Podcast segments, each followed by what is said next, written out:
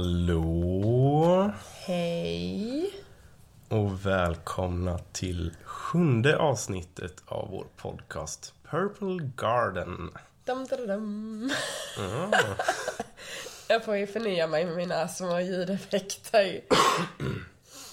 Ja, och idag är det en något sargad eh, poddpladdrarduo som eh, sätter sig ner vid mikrofonen. Ja, vi hoppas att det inte ska vara för eh, bedrövligt att lyssna på våra hostiga, raspiga röster. Mm, tror jag är en ganska bra basröst idag. Ja, jag börjar också, jag som annars kanske kan kännas lite, inte skrikig, men lite, lite gäll, har nog också ganska Ja, jag tror dov ton. Det kan kanske är ganska- lifehacket nu. det kan vara ganska trevligt att lyssna på dig just Mm. Ja, vi har legat lite däckade i eh, någon form av influensa eller en ordentlig förkylning här i veckan. Men vi är på väg tillbaka nu. Vi är på väg tillbaks. Det känns ändå skönt att ja, komma tillbaka igen till det vanliga. Liksom. Mm. Statet för hästen. Och att vi har blivit av med den här skiten förhoppningsvis. Som verkar Mm. gå runt eh, stan. Man kan också eh, flika in att det är ändå värt att vara förkyld några dagar med tanke på vad vi fick uppleva förra veckan. Ja, verkligen. Den här förkylningen har ju inte kommit eh, av intet, tänkte jag säga. Nej. Eh, men Ja. absolut. Varit nere i Nice, på den franska rivieran. Mm. En lång weekend. Det var ju ohyggligt trevligt måste jag säga. ja, ja nej, men det var en underbar eh, livsnjutarresa deluxe, får man ju säga. Mm. Ja, vi blev ju då lite spontant blev nedbjudna av några goda vänner. Och eh, ja, var där i fyra, fem dagar och njöt av livet. Ja. Det måste jag bara säga att när vi kom till Nice, redan liksom när vi kom in till stan där kände jag att wow, vilket, eh, vilken härlig känsla det är i stan. Det var liksom eh, så himla lugnt och avslappnat. Det var som att det fanns inga bekymmer eller oro. Eller alla, alla gick runt med ett leende på läpparna. Ja, verkligen. Och vi har ju tagit upp tidigare i podden just det här med livsnjutning, hur viktigt det är Ja, i tillvaron. Och ingen njuter bättre av livet eh, än människorna nere på Rivieran. nej, det får man lugnt säga. De flesta av dem har ju inga ekonomiska problem heller att njuta av livet. Så det är liksom double double.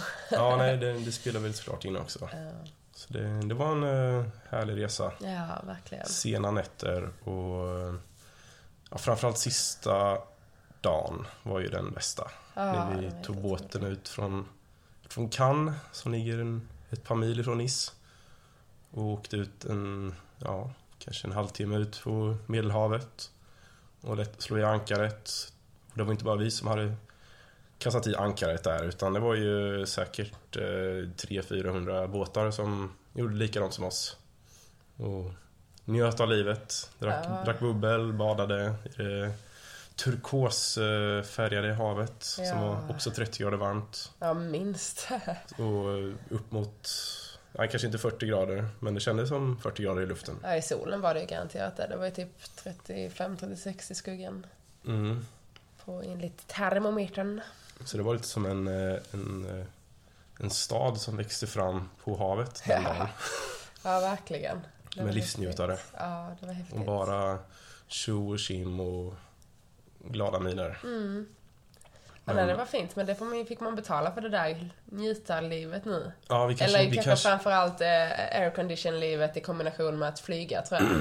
Eh, ja just det, 35 grader i utomhus och 18 grader och blåsigt inomhus. mm, nej, det är inte att eh, rekommendera. Och ett och annat glas rött. Ja. Och någon flaska bubbel. Mm. Så vi fick väl eh, betala priset här i veckan, men eh, det, det får det vara värt ibland. Ja. Och eh, ja, just det, vi är avsnitt sju.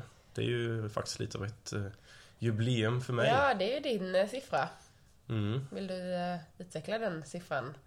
Ja, alla veckor sedan jag föddes har haft sju dagar. Ah, nej, är det sant? Ja. Wow! Är du född på måndag? Men, men kanske, kanske framförallt så är det ju mitt, eh, mitt alter ego, Seven Camels. Mm. Eller ja, det, det började som Seven Camels Army när jag gick på gymnasiet. Det var en, eh, en blogg där jag skrev om saker jag störde mig på. så, så jag var på den tiden. Mm. Ofta utspelade sig i Tranås där jag bodde då. Sen blev det en... Ja, jag körde ju det några år och sen blev det en reinkarnation. Du vet, jag var bort Army-biten och blev det sju kameler. Så en eh, satirsida med lite mer globalt perspektiv. Och sen, eh, vad var det, 2020 någonstans så Ja. startade jag mitt musik och konstprojekt Seven Camels. Seven Camels. Mm. Och det har varit med ända sedan, eh, ja, 15 år då typ. Ja, det kan man väl säga. Mm. Mm. Men framförallt de senaste tre åren som det verkligen har varit på nästan daglig basis. Mm. Eh, musiken och konsten och... Ja, så det är siffran sju, den, eh, den eh, slår ett slag för. Ja, det, det är en bra siffra. Mm.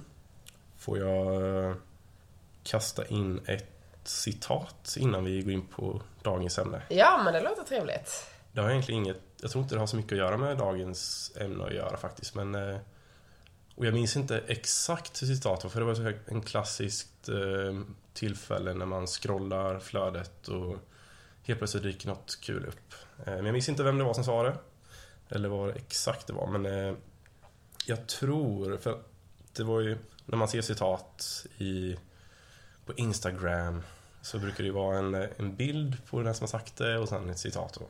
Exempelvis en bild på Albert Einstein och Creativity is intelligence having fun. Mm. Men det här var en, eh, en man som var målad. Så jag gissar på att det var ganska långt bak i tiden. Ja. Kanske, det kändes som 1700-tal baserat på målningsteknikerna. Kanske, kanske Rousseau då. Oj. Ja. Och eh, det handlar ju handlade om förmåga att lyssna. Och jag, om jag ska parafrasera här då, så tror jag han sa att eh, människor lyssnar inte för att förstå den som talar. Människor lyssnar för att kunna replikera.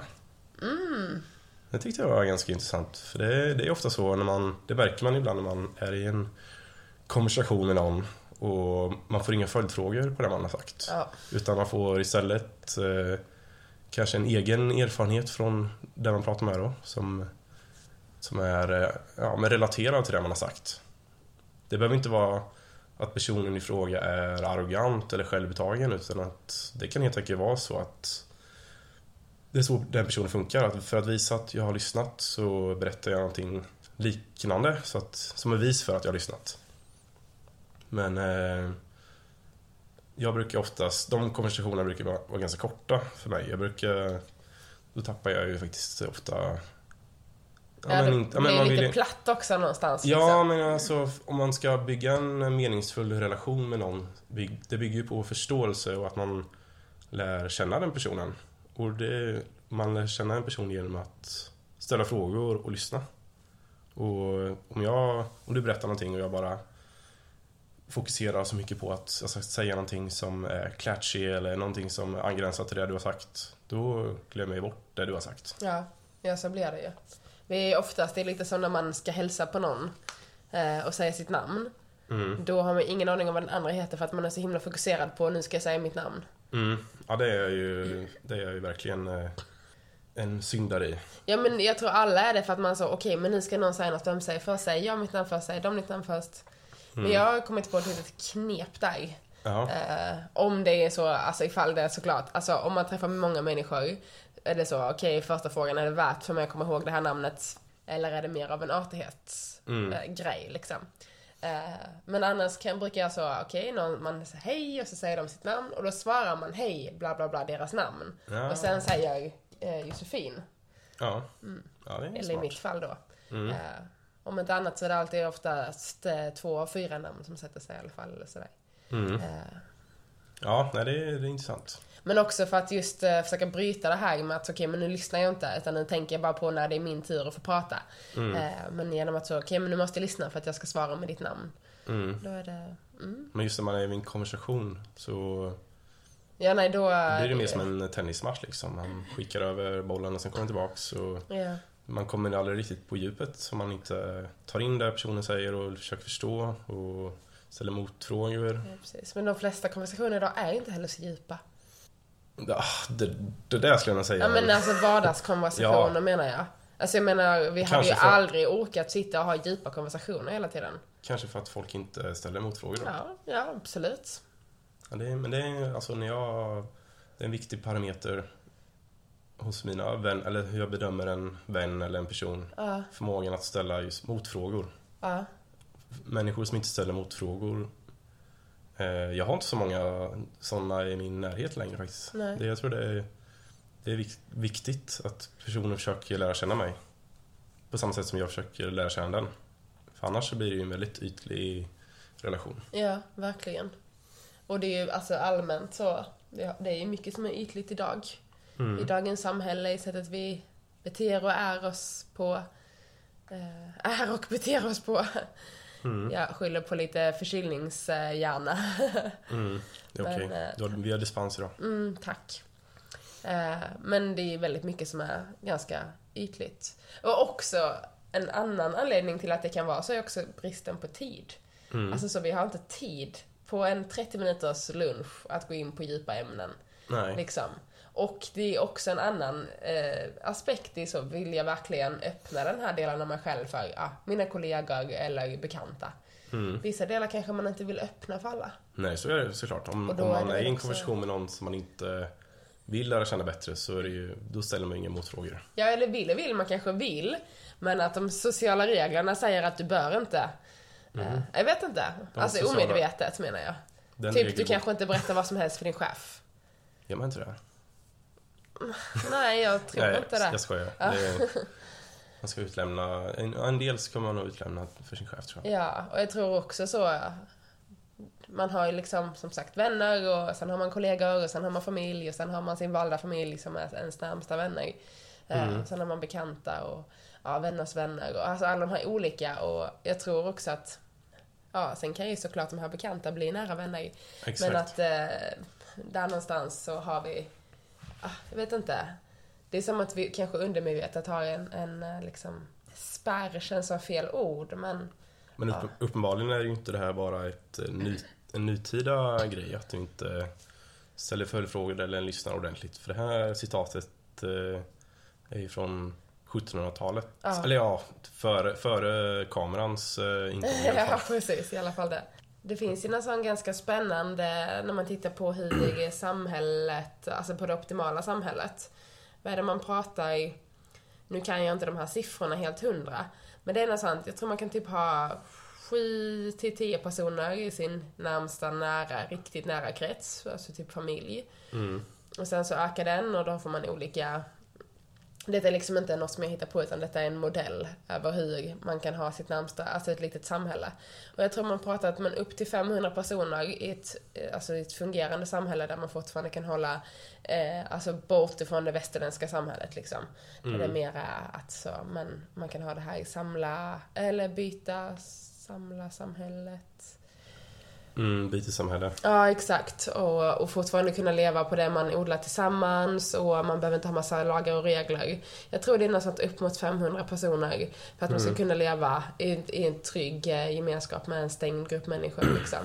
Eh, och det, någonstans ligger det väl också så, okej men de här 500, ska jag lära känna alla dem på djupet eller håller jag det till de här andra då, grupperingarna Mm. i den här typen av samhälle? Ja, nu... Men så Stockholm är lite för stort för dig då? Alltså, du känner inte trygg med hela Stockholm? Nej, det skulle jag inte påstå att jag Mm. gör. Känner du dig trygg med hela Stockholm? Ja, men det skulle jag säga. Eh, oj, minsann. Ja. Eller inte, ja, alltså det är inte så att jag... Jag skulle nog inte ha tid och ork att lära känna två miljoner människor. Nej. Men, eh, ja. Ja, nej, men eh, för att se liksom till hur... eh, Ja, det är någonting. Nu ska jag inte sitta och prata strunt här tänkte jag säga för saker jag inte kommer ihåg eller har källa på. Men det finns något sånt som visar i alla fall, det är ganska intressant. Och just också kopplat så till varför vi har eh, djupare konversationer med vissa och inte med andra. Mm. Eh, och jag tror också någonstans ligger det väl också i människans natur, alltså fast, även fast det kanske inte är från ett själviskt perspektiv, så är vi flockmänniskor. Vi Ja. vill ju bli omtyckta, vi vill ju, jag vet Mm. inte, stå i centrum, vara egoistiska som vi pratade om förra veckan. både medvetet men också undermedvetet. Eh, just för att det ligger så naturligt i människan att så, men jag måste ha min flock, jag måste vara trygg. Om jag inte är omtyckt så är jag utstött och då är jag lika med död. Ja, ja, för det här är verkligen något som är tidlöst uppenbarligen som det citatet är från flera hundra år tillbaks Ja. och fortfarande väldigt aktuellt. Mm. För övrigt så jag tänker det är sällan man ser nutida filosofer och tänkare på sådana här eh, citat i flödet. Ja, nej. Eh, Jag tror faktiskt att de, var mycket, de tänkte mycket mer då. Ja, de Det hade var- inte lika mycket distraktioner. Det var liksom före, de hade inte Instagram och Netflix så, så då eh, kunde de lägga tiden på att sätta sig och tänka. Ja, exakt. Och det går inte, Titta på folk. det går inte för sig idag. Nej. Ska man vara effektiv och produktiv. Ja, Och att, genom, och att vara effektiv innebär att göra så mycket som möjligt på så kort tid som möjligt. Då finns det inte utrymme att tänka. Du ska um, vara, ha, vara en, eh, eller ha maskinella eh, egenskaper. Så, ja. mm, Ja, nej, spännande. Hur eh, så mycket har ändrats på, säg 200-300 år och ändå inte alls. mm, Vi är ju fortfarande bara människor. ja, Med samma, med samma behov och krav på vår eh, omgivning och våra liv. mm, Och också hur vi verkligen kan så, ja men framförallt kanske samhället förändrats idag. Innan var det mer så, okej men eh, man fick ta sitt, eh, ta sitt kast med hur man var lite infödd eh, i, i världen. Eh, och idag är det ju, idag, framförallt i västvärlden har man ju otroliga möjligheter att påverka vem man vill vara och hur man ja leva så, sitt många, liv. så många möjligheter ibland att man blir helt förvirrad. Det är många som, blir, som inte vet var de ska ta vägen. Ja, verkligen. Och med sociala medier och det är så mycket som... Eh, det, oh, jag vill nå dit också, men man har ingen aning om vad det innebär. Nej. Eh, och det tar ju in lite på dagens ämne. Och jag gick en eh, radioövergång. Dam, dam, dam, tsch. Ja, jag har jobbat på trumvirveln också tycker jag. Tycker du det? Var den var? Ja. Bättre än den första. Ja, den var, den var lite sad. Den var bedrövlig. Nej! Men nu har du, har du, har du tränat på dem eller? Mhm. Nej, det, kommer, det sitter naturligt i mig. Ja, precis som Jossans radioövergång eh, flaggade lite för så är dagens tema relativ lycka och relativ olycka. Ja. Kanske framförallt relativ olycka. ja. Och idag så har vi faktiskt inte, Eh, tar vi inte avstamp i lingvistiken och, och gamla vän Oxford Dictionary. Av dels anledningen att det fanns, jag sökte lite, det fanns väldigt lite om det här. Och inga definitioner riktigt. Eh, och dels så, ja vi är ganska sänkta av förkylning så jag har helt enkelt inte orkat göra så mycket research idag. Nej, också att detta känns ju som ett ämne som ja, men, eh, är väldigt genomgående för väldigt många av oss i våra liv. Liksom just det här som vi nämnde lite, att man vill leva så mycket på sociala medier och vi kan bli lite vad vi vill. Eh, men att vi kanske inte heller har de där målen. Eh, men vi vill alltid ha det som grannen har eller som den jag följer på Instagram har. Mm. Eh, men om jag inte når dit, vad händer då liksom? Mm. Ja precis, ska vi försöka komma på någon form av definition själva här. Så... Uff, nu filosoferar vi, det gillar jag. Ja, men jag tänker en person som är... Ja, men en person som känner sig lycklig, men som eh, efter eh, lite surfande inne på Instagram och ser hur härligt livet är för alla andra, känner sig olycklig. ja. Alltså relativt olycklig kontra personerna eller, som de ser på Instagram. Ja. Men en person som mår bra och har ett lyckligt liv men som inte är närvarande för att hon eller han söker någon annans liv. Ja, Typ, som inte egentligen kanske är för dem. Alltså jag menar, det är som att så, vi hinner inte njuta och vara tacksamma för nuet för att vi alltid ska jaga det där nästa. Jaga någon annans nästa till och med. Ja, och också att eh, alla människor är ju unika. Det är ju en klyscha, men det är också sant. Vi har alla olika sätt att bli lyckliga på, olika sätt att leva våra liv. Eh, så att om någon är i, på en fest och det är tjo och och glatt och då eh, kan jag exempelvis bli relativt olycklig när jag ser det. Att Sitter jag hemma på FOMO. Ja, alltså, precis FOMO. Sitter jag hemma på rumpan och gör ingenting. Men sen när man verkligen tänker efter. Är det verkligen på storslagna fester jag är lycklig? Precis. Det kanske inte är. Det kanske inte, alltså... Det ser väldigt eh, roligt ut men om, om jag hade varit där hade jag varit lyckligare, lyckligare där än när jag är hemma och kanske målar en tavla eller umgås med dig eller spelar bas eller... ja, så det, det är också en, en komponent. Ja, verkligen. Och en, en annan viktig komponent, det här är kanske den främsta, är att det här är bara den här bilden för den här festen. Det är ju bara ett eh, ögonblick ur någons liv. Ja, fy fan vad bakis de är dagen efter. Ja, och de kanske har haft tre veckor när de inte gjort någonting och kanske varit eh, till och med olyckliga eller ledsna eller...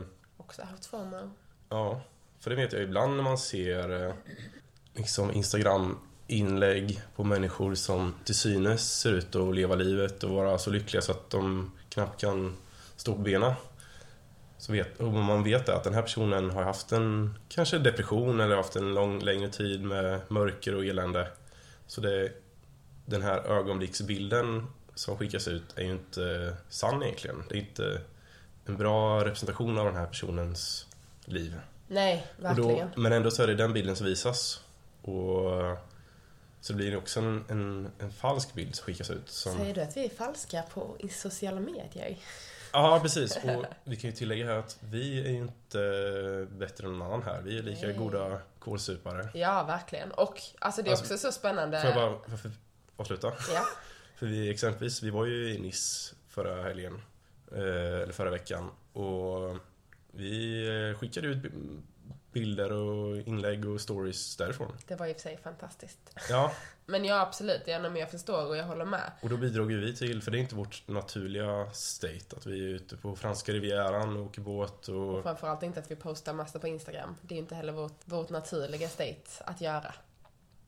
Eh, ja, jag tycker vi, vi postar och vi... Ja, jo absolut. Men jag menar typ, eh, alltså så transparens. Jag la säkert ut eh, 15 stories om dagen för att visa hur jävla nice vi hade det liksom. Mm. av någon anledning. Jag vet inte, man ville väl dela med sig av det goda liksom.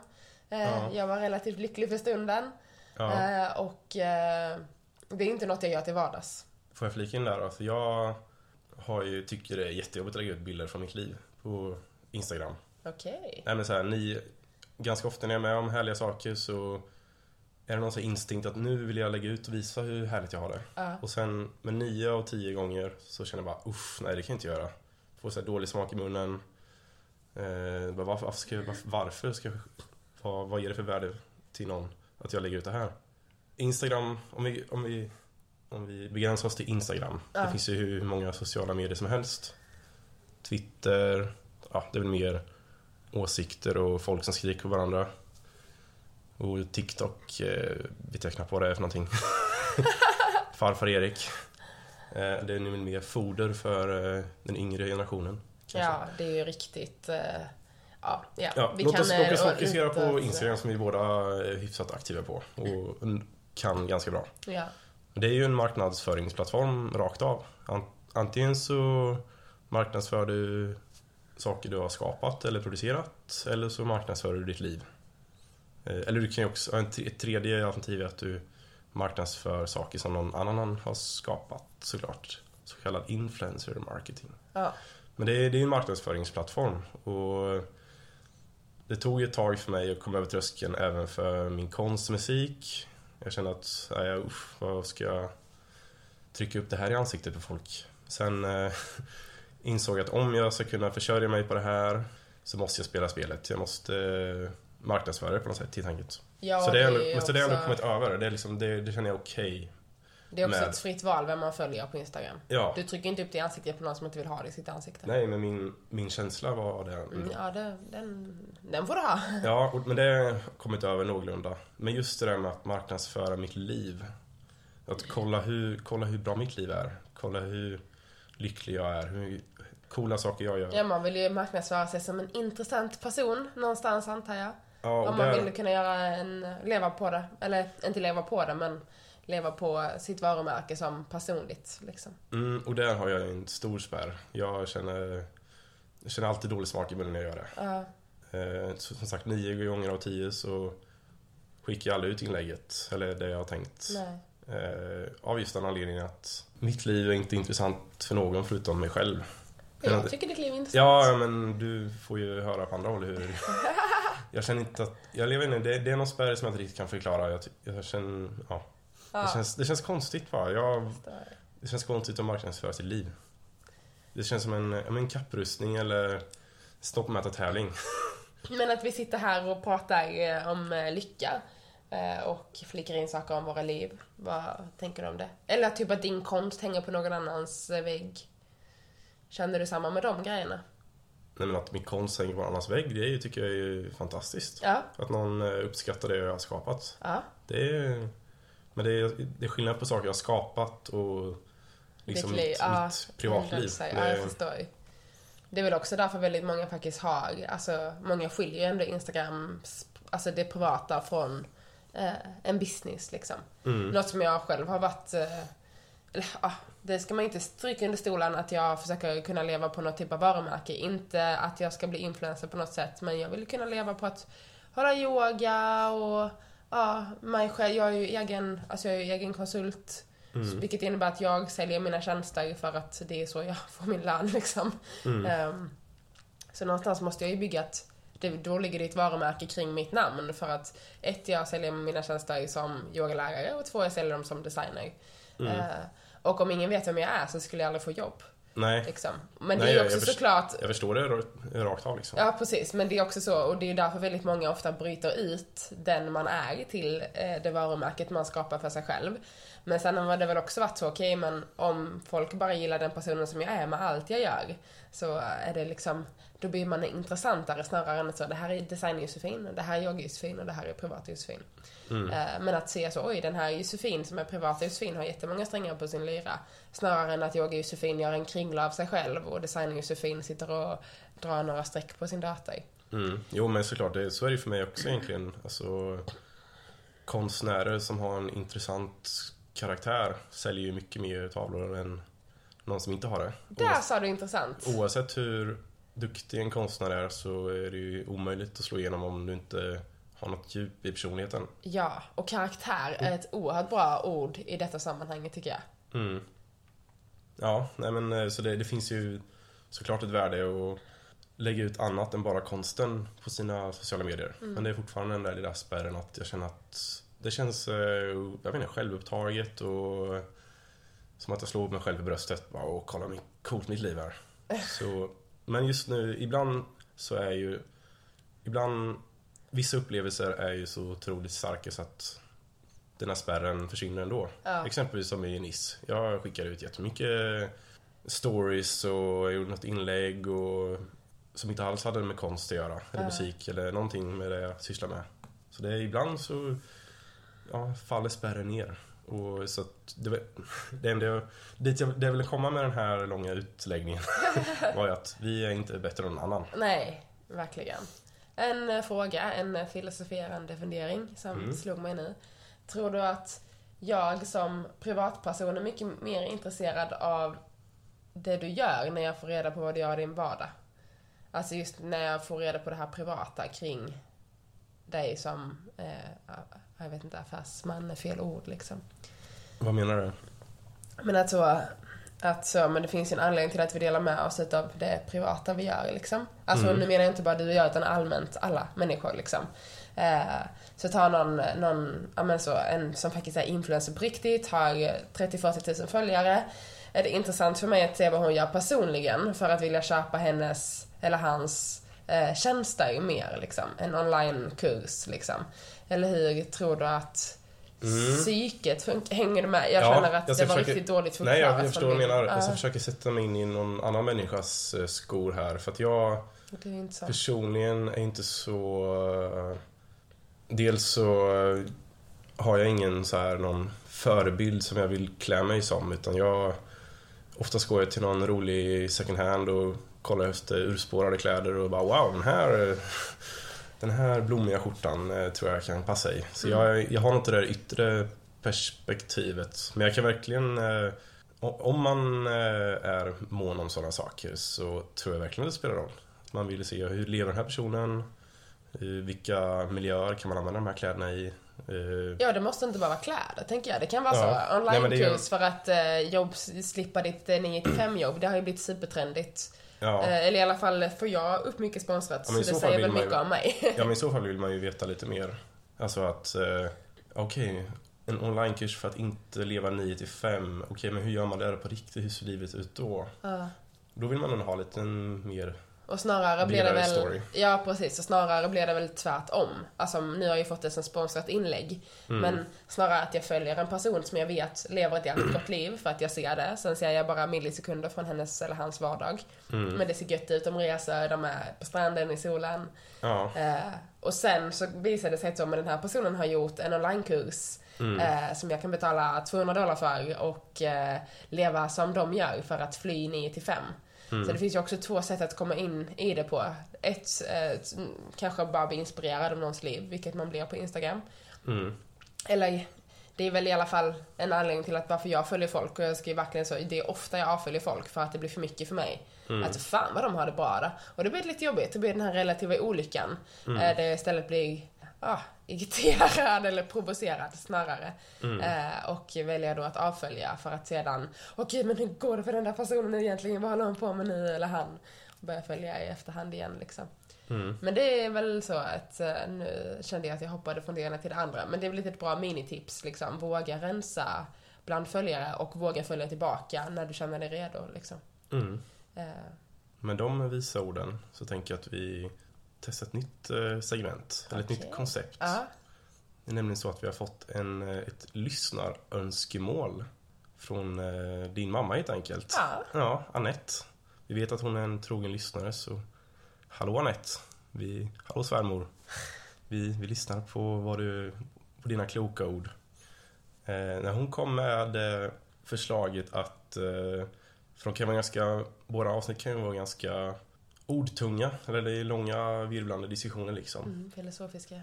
Så hon, eh, hon kom med önskemålet att kan inte ta någon paus mitt i och eh, att kanske lägga in en slinga musik eller vad som helst och så att man får reflektera lite eller smälta det man har hört. Så vi testar det helt enkelt. Och får vi en liten paus också. Jag känner att jag kommer behöva hosta ordentligt snabbt. Ja, jag också. Jag har hållit inne. Så vi, eh, vi kan lägga på en ja, 30-60 sekunder av, eh, vi kan ta någon, eftersom det är avsnitt 7, kan vi ta en Seven Camels eh, trudelutt. Det låter väldigt trevligt. Och om jag minns eh, svärmor rätt så tror jag att Dreamland är en lite av en favorit. Hon är ganska lugn och en lugn och behaglig eh, visa. Eller inte visa, en, en låt. Så då kan, eh, kan man få vila öronen i 30 sekunder kanske då. Och vi kan fixa på raspiga röst lite genom att få hosta ut det som ligger och skavar på stämbanden. Mm, precis. Och eh, tycker man den är bedrövlig eller att man längtar tillbaks till våra diskussioner så kan man ju spåra förbi. Eller om man tycker att den är, verkar trevlig så kan man ju gå in och lyssna på den på Spotify Yes. under albumet Interstellar. Av Seven Camels. Mm. Så vi hörs om en liten stund. Ja.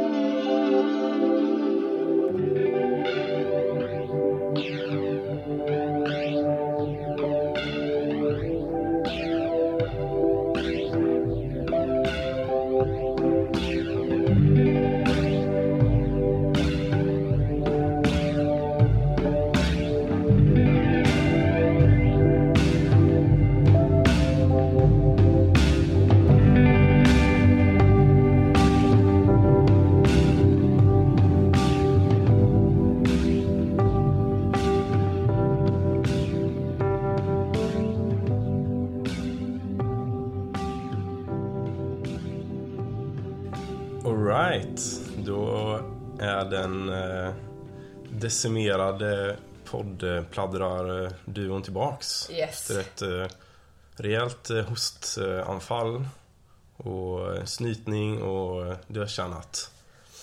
Eh, Men nu är vi tillbaks. Nu är vi tillbaks. Och relativ lycka och relativ olycka som sagt. Jag minns knappt vi, hur vi avslutade förra harangen men eh, vi har inte pratat om relativ lycka än. Nej. Det är ju kanske mycket mindre vanligt än relativ olycka. Det är ofta man, eh, man känner sig olycklig för att man av FOMO och sådana saker, att man tror att man är den enda som inte har kul idag. Ja. Men eh, relativ lycka existerar ju också. Ja. Det kan ju vara exempelvis om man ska gå till affären och handla och sen möter någon uteliggare på vägen. Så kan man ju känna tacksamhet att man, ja, man känner att jag har väldigt mycket i mitt liv. Även om jag har haft en usel dag liksom så det kan ju, det kan ju ge lite, ja men sagt tacksamhet och perspektiv på livet. ja, verkligen. Eller när man hör någon berätta någon historia om något shit show i deras liv. Mm, Då kan man också bli jävligt relativt lycklig. mm. Eller eh, kolla på nyheterna och, om kriget i Ukraina. Mm. Vi har ingen invasion Fast i... det känns inte som att det bidrar med så mycket relativ lycka, eller? Ja, det kan de väl göra. Ja. Vi, även om eh, livet eh, känns jobbigt just nu så eh, har vi i alla fall ingen invasion. Ja, du tänker vi så, kan gå ja. ut på gatorna utan att behöva oroa oss över bomber som faller. Ja, men det kan ju också vara en relativ olycka. Alltså det kan också ske det du sa. Men det kan ju också vara så shit i krig, det är så sorgligt. Det- Alltså att man tycker att det är jobbigt för att det är så nära liksom. Ja, precis. Det är faktiskt intressant. Att världen är ju väldigt global. Allting Mm. hänger samman, tror vi. Eftersom vi, om vi kollar på nyheterna i alla fall så är det ju... eh, Eller, eller kolla på nyheter, läs nyheter. eh, Ja, man kan kolla på, på nyheter Ja. också på TV. eh, Konsumera nyheter. Ja. I någon form så tror man ju att världen är väldigt ond. Att det är bara bomber som faller överallt och det är krig och elände och korruption och slaveri och misshandel och våldtäkter och, och sånt existerar ju klart också men det är ju det mesta i världen är ju, är ju gott. Ja, Världen är god i, till väldigt stor andel. och livet blir ju bara bättre och bättre för alla människor som lever. Även fast vi inte tror det så visar ju statistiken och allt på att alla lever ett bättre liv för varje dag som går. Även fast många lever ett väldigt dåligt liv på grund av omständigheterna i världsdelar de lever i eller län- länder de lever i. Mm. Så visar ju ändå datan på att livet blir bättre för alla. Mm. Jag hörde en, eller jag lyssnade på en väldigt uh, intressant, uh, ett TED-talk den gången som jag var med och höll en co-creation här i, i Stockholm, TEDx Stockholm. Det var ju en av, uh, en av föreläsarna. Jag kunde inte lyssna på det i publiken eftersom jag höll min co-creation samtidigt. Men jag pratade en hel del med honom innan och efter om hans tal. För det handlade just om att inte läsa nyheter. Mm. Det var det, det hans tal handlade om. Att, eh, precis som vi sa innan, att det är en väldigt skev bild av världen. Man tror att världen är ond. Och eh, nu minns jag inte detaljerna i hans tal, men verkligen vikten av att bygga sin egna bubbla. Och inte ta in allt som händer i världen. Mm. Det är en, en, en stor nyckel till att vara lycklig, att bygga sin bubbla. Man kan, man kan inte, alltså vi kan ju inte påverka kriget i Ukraina exempelvis särskilt Nej. mycket. Klart vi kan hjälpa till på vissa håll och kanter, men vi vet redan att det är fruktansvärt där. Vi behöver inte kolla på nyheterna varje dag för att bli påminda om hur illa det är. Mm. Det leder bara till att man blir olycklig. Ja, oftast. Alltså man, jag menar, sen... eh, Det finns ju så barn som har fått höra, alltså då pratar jag om små barn, typ 3-4-åringar, som har fått höra mycket om det här ja, men med klimatkrisen och eh, att världen kommer att hålla på att gå under. De har ju klimatångest. Ja. Fyraåringar som har klimatångest och då är det så, men då har det blivit något fel i nyhetsflödet. Sen tror jag det är jätteviktigt på ett sätt, i väldigt liten och viss mån, att vara uppdaterad och förstå vad är det som händer i världen, hur påverkar det mig? Men att mata sig konstant med den här olyckan, kan vi inte lyfta upp något bra? Good news, where is that? Ja, nej precis. Typ någon sån här, vad heter hon, vad heter den här rörelsen? Fridays for the Planet. Our Fridays for Future for... Ja, jag vet inte. Ja, Gretas eh, kampanj i alla fall. Jag är uppriktigt orolig för den generationen. Alltså när den växer upp. De, det, det är massdepression där. De tror ju att jorden ska kollapsa vilken sekund som helst. Och som du sa, det är enorm klimatångest. Sen kanske det kanske grundar sig i, eh, i fakta och så vet man inte var den faktan kommer ifrån. Vi har ingen aning om hur illa det är. Det, världen, eller jorden kanske, kanske inte är alls, kanske inte alls är någon eh, fara på taket. Det kanske, kanske först om tusen år som det är, eh, börjar bli allvarligt. Det är liksom, vi vet inte. Men den här generationen har ju matats liksom på daglig basis nästan. I alla fall varje fredag då. När hon har sin eh, dystra kampanj då. Och den generationen känns ju, ja, men som du sa, deprimerad och sorgsen och till och med ner i åldrarna med 3-4 år. Det är ju, alltså... Jag minns vi hade en kollega på ett coworking space. Hon ville, hans dotter ville ju inte äta kött längre för att det var dåligt för klimatet. Hon var fyra. Mm. Och att de behövde så prata om det så. På dagis hade man tagit upp det eller vad det var, förskolan. Och att de behövde prata om det hemma. Och Ja, det är jag ju... tror det är viktigt att man så, man måste förstå verkligheten och jag tror alltså även fast man är fyra, vet jag inte om man behöver vara så himla involverad liksom i mer än det som händer i ens närmaste Det krets. känns inte som eh, att fyraåringar behöver Nej. vara så engagerade i det Inte här. riktigt, men det blir ju så. Fast det är också så svårt, nu har inte vi barn själva liksom. Men okej, man får se den där plattan och man kollar på YouTube och alltså, ja, man har ju inte sociala medier när man är fyra liksom, men man är, Det är ju oerhört... Ja, men man, är, man ser ju vad föräldrarna kollar på säkert på sina telefoner. Mm. Och eh, ja, nej, vi ska ju inte... ja, allmänt, nyheter, det är bra att förstå vad som händer, det är bra att vara medveten, det är bra att inte uh, liksom sjabbla bort dem att så ja, ja, ja, ja. Men det är också så viktigt för oss att leva i nuet och ta action för det som är viktigt för oss. inte det som vi inte kan påverka eller att vi behöver höra det 15 000 gånger om dagen liksom.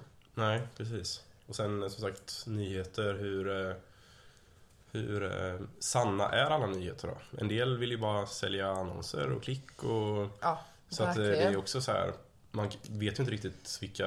Källkritiken. Nej, precis. Och oftast eh, good stories. Alltså, goda nyheter säljer sämre, det blir mindre klick. Ja. Av någon konstig anledning.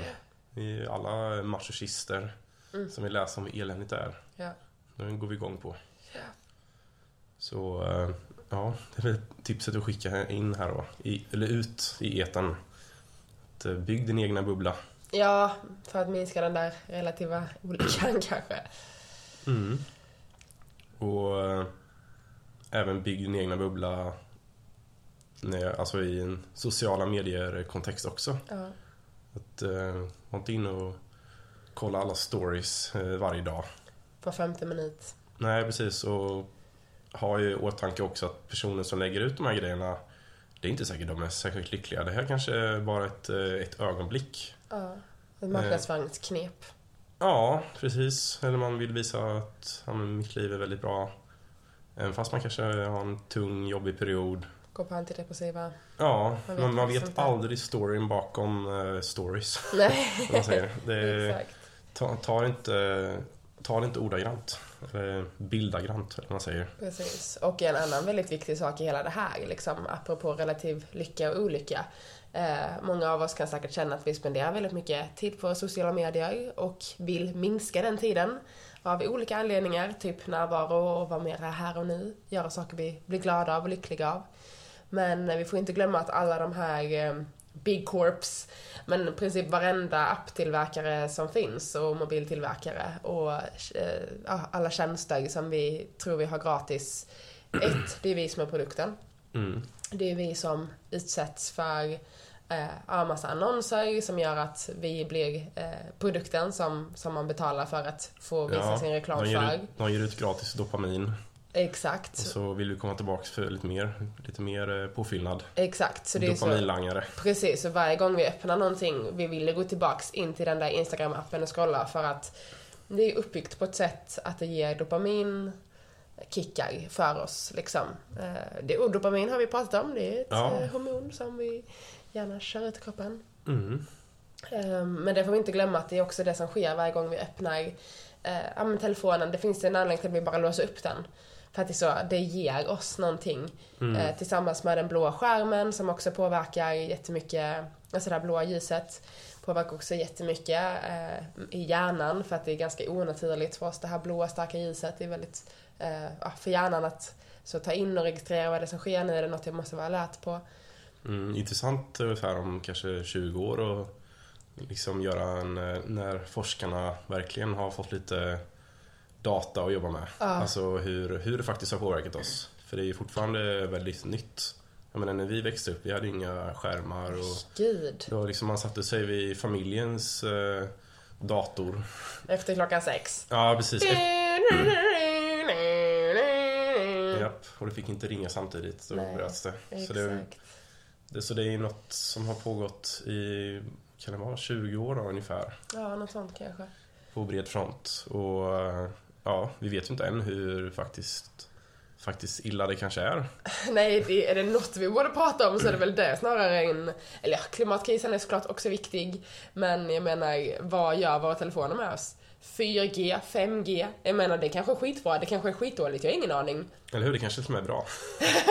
Men det är också så vi vet inte, det är ju fortfarande en strålning. Jag menar mikrovågsugnen insåg vi att shit, det här är livsfarligt med de här radiovågorna. Vi kanske blir Übermenches. Ja. Alltså så här superintelligenta av den här... eh, Eller så krymper hjärnan och förmultnar för att vi steker den som Mm. med massa radio, eller massa gammavågor och skit och hit och dit. Ja, nej, det är lite tidigt att avgöra. Men Ja. det, förr eller senare kommer väl förmodligen eh, lista ut hur det är. ja, vi märker det. Ja, Jag fick upp senast igår en, eh, en story då när jag satt och scrollade på reels. Mm. Eh, om, eh, om såg vad som händer med mäns eh, spermieproduktion när man har telefonen i fickan och eh, att de här testerna som görs på telefonen, som sagt detta kan vara riktigt falsk media, jag har ingen aning, detta kan vara false news. Men eh, det visade i alla fall att så, åh, det är inte, det är farligt för att den här värmen som kommer till, det är ju en fakta, så spermier som utsätts för värme dör ju. Eller de blir ju icke, ah, ju högre temperatur eh, kring, det känns ju konstigt. eh, Jag menar, kolla på Sverige, ett kallt land. Ja men det är ju andra saker som också påverkar Ja. kvaliteten såklart. Men alltså det är ju allmän fakta att är det för varmt så dör de. Det är därför vi bara Mm. kan, det är därför kvinnor bara kan bli gravid under en viss punkt. För eh, liksom annars är, är det för varmt. Vilket innebär eh, alltså att de dör. Mm.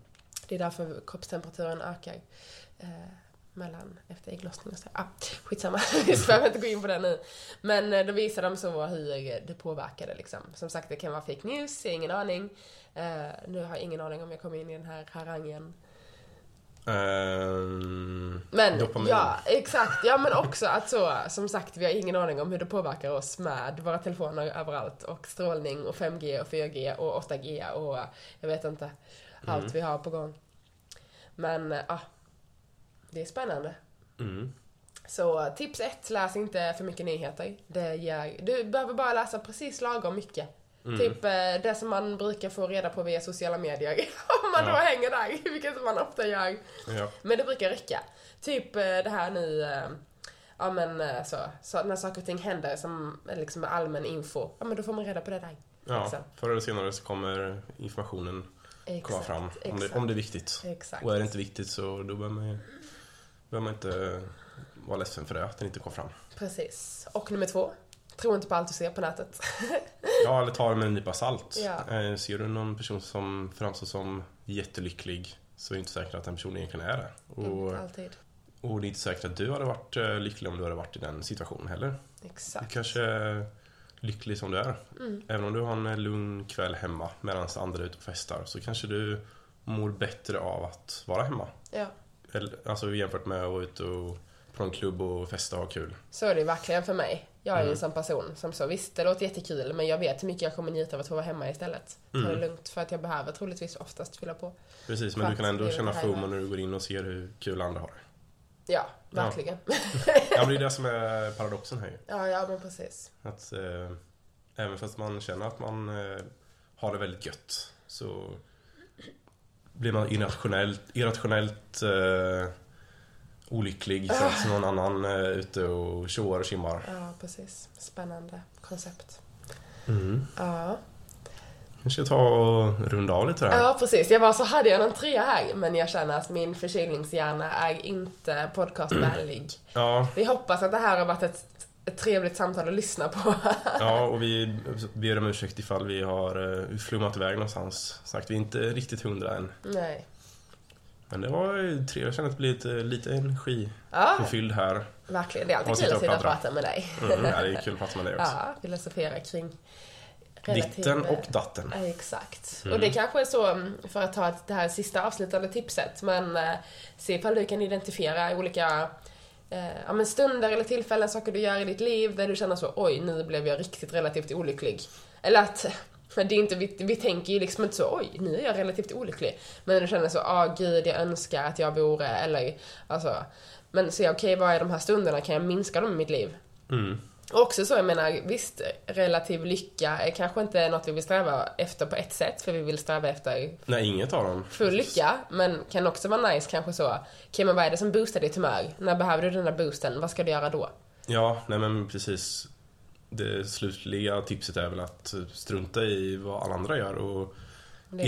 ident- identifiera vad som gör dig själv lycklig. Ja. Och när du har identif- identifierat det så fortsätter du att göra det så ofta du kan bara. Exakt. Och det kan ju vara allt från att sitta hemma med en kopp te och läsa en bok eller Mm.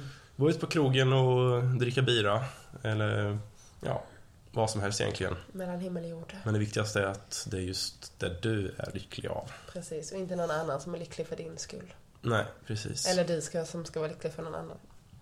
Mm. Eller någon annans liv. Vi ska alltid vara lyckliga för andras skull, men för någon annans liv. Nej, gör det för dig själv. Yes.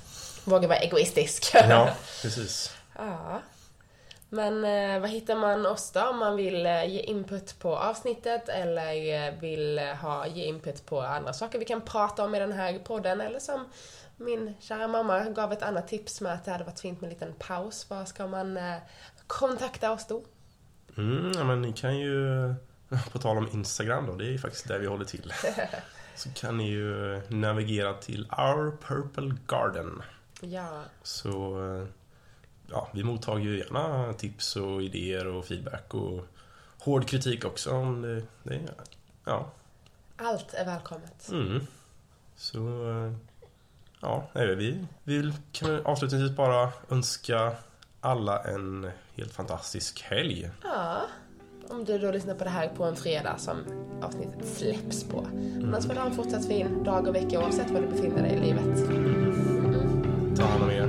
Yes, puss och kram. Puss och kram.